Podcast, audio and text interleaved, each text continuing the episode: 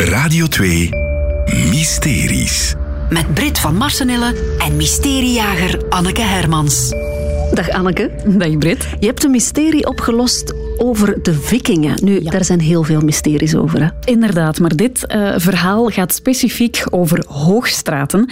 Er is namelijk een legende dat destijds in de tijd van de vikingen um, was er een viking Gelmel uit Denemarken. En die had de opdracht gekregen van de koning van Denemarken om de dochter van de koning um, naar Engeland te brengen, omdat ze daar moest trouwen met de koning van Engeland. Ja. Zo gezegd, zo gedaan. Viking Gelmel stapt in zijn schip, neemt de prinses mee, maar drama, drama, onderweg, de prinses slaat overboord. Oei. Ze verdrinkt geen bruid meer.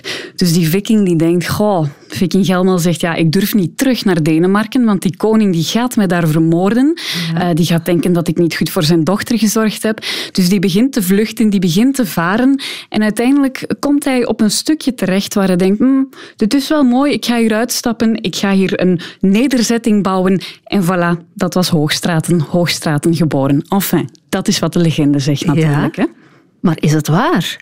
Um, we hebben er een heel onderzoek naar gedaan. Laat ik daar vooral mee beginnen. Hè. Ja? Um, er zou bijvoorbeeld een plaats geweest zijn waar het vikingkampement heeft gestaan.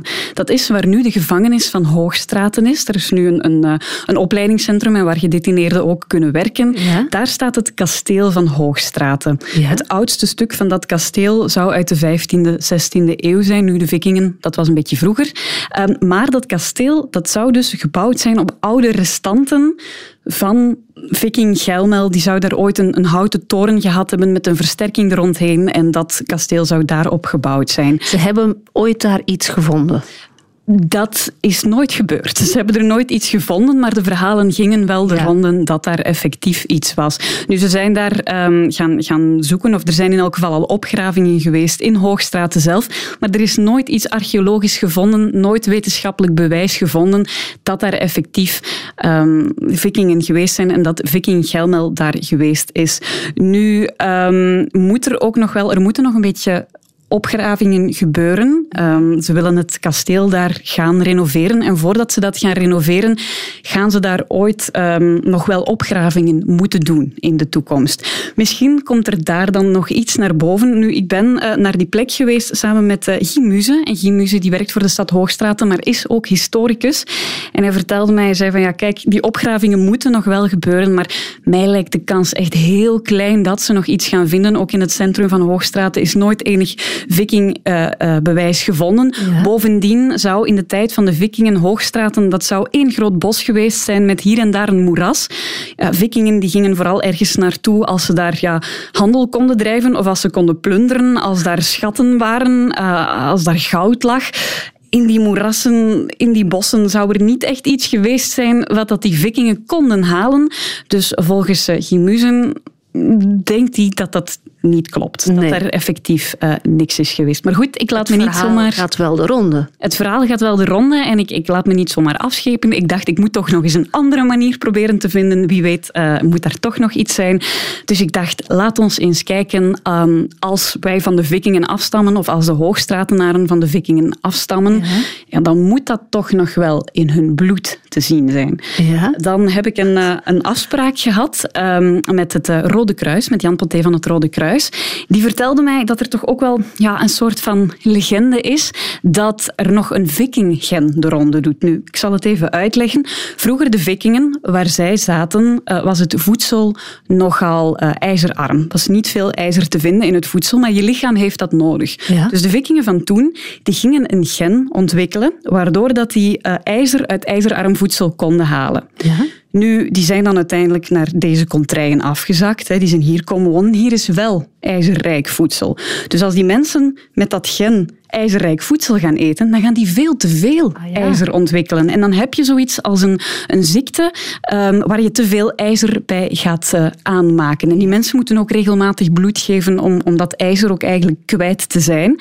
Um, en er gaat zowel de ronde dat, um, ja, dat afstammelingen van vikingen misschien ook wel eens die ziekte hebben overgekregen. Dus ik dacht... Dat die te veel ijzer in hun bloed hebben? Ja. Nog steeds? Ja. Dus ik dacht, we hebben een spoor. Nu moet ik alleen nog een hoogstratenaar vinden om bloed af te staan. en dat is uiteindelijk Lieve van Gils geworden. Uh, de presentator die is uh, hoogstratenaar in hart en nieren. Die viel zo wat bijna van zijn stoel dat hij mogelijk uh, erfgenaam van Gelmel zou kunnen zijn. Dus ik heb hem meegenomen naar het Rode Kruis om daar een bloedafname te laten doen. En voor je zo'n bloedafname doet, krijg je natuurlijk een prikje in je vinger, worden de ijzerwaarden gemeten. Nu, die was heel belangrijk. Nu, het is belangrijk dat als je die ijzerwaarde meet, moest Lieve ook effectief wel bloed geven. Je gaat niet zomaar naar het Rode Kruis om even te kijken of je een viking bent, ja of nee. Je moet dan effectief nog wel een donatie doen. Maar goed, we hebben Lieve zijn uh, ijzerwaarden gecheckt. En? En? Hij had hoge ijzerwaarden, hoger dan gemiddeld. Nee. Jawel, toch wel. Ik dacht, ja, Eureka, we hebben hier Tuurlijk. afstammeling van Gelmel. Maar ja, één persoon is natuurlijk niet voldoende om dat allemaal te kunnen bewijzen. Maar ja, het is wel heel toevallig. Ja, het was wel heel toevallig. Dus ik dacht, ja, ik heb hier een spoor. Ik ga eens kijken wat ik kan doen.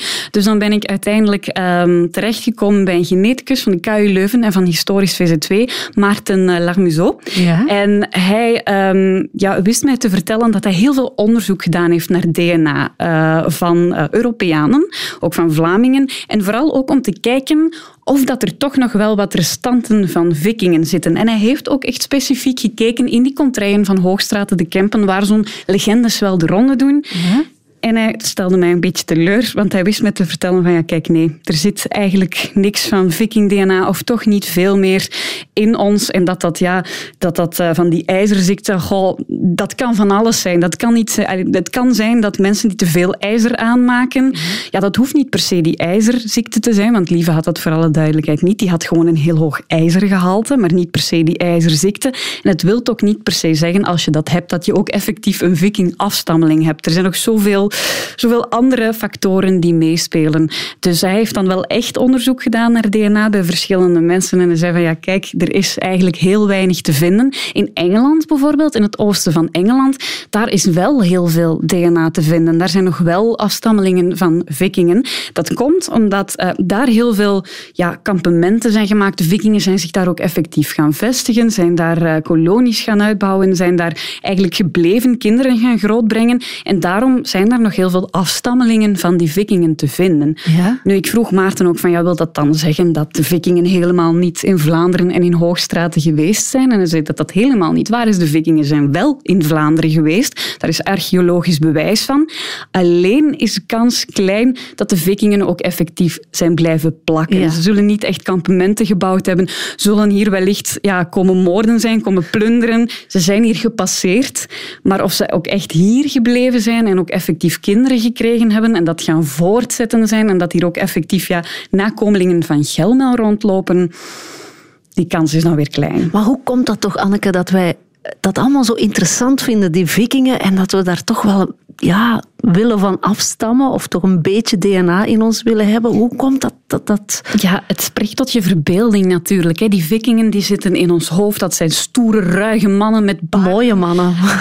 Volgens de fictie toch. In sommige, in sommige uh, Netflix-series worden ze zo inderdaad wel afgebeeld. Maar ja, het, het spreekt tot jou. Het zit een beetje in het collectief ja. geheugen. En ook mensen zijn heel vaak bezig met waar ze vandaan komen. En dan is het ook wel interessant om af te stammen van iemand van adel of van een viking of van een beroemd persoon, ja. maar afstammen van een boer of van een arbeider.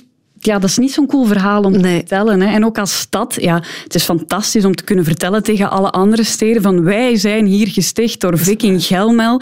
Wij gaan zoveel jaren terug. Ja, dan heb je natuurlijk een soort van allure als ja. stad. Dus zo'n legende, ja, dat die leeft, het is ook aantrekkelijk. Hè. Ja, maar kijk, niet dus. Volgens wat we gevonden hebben, voorlopig nog niet. Maar bewijs mij het tegendeel. Bewijs mij het tegendeel. Als je, als je afstamt van Gelmel, laat het mij weten. Oké, okay, dankjewel Anneke. Alsjeblieft. Meer mysteries? Volg alles in de Radio 2-app.